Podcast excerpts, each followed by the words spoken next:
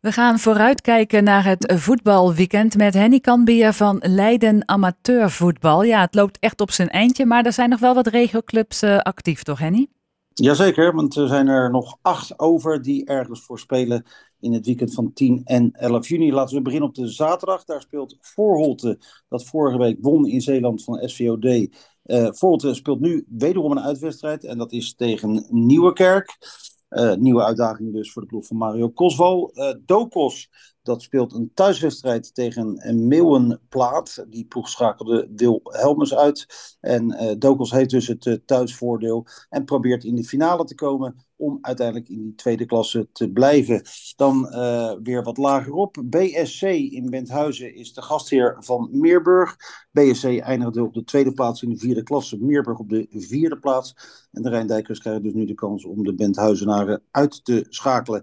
FC Oestgeest komt voor het eerst in actie. De ploeg van Ilko Filemon speelt op de Voskuil een wedstrijd tegen CWC Reewijk. Oestgeest dat dus in de Penari kwam in de derde klasse. En nu moet zorgen dat het uiteindelijk zich kan gaan handhaven.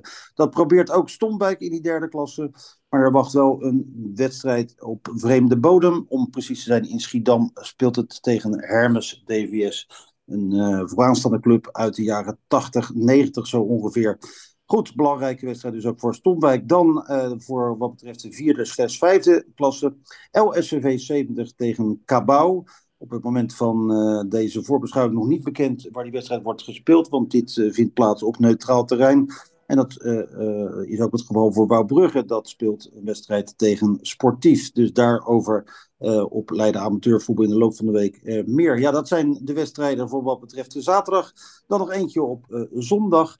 Want daar speelt Voorschoten 97. Dat probeert in de derde klas te blijven. Thuis tegen SMVC Fairplay.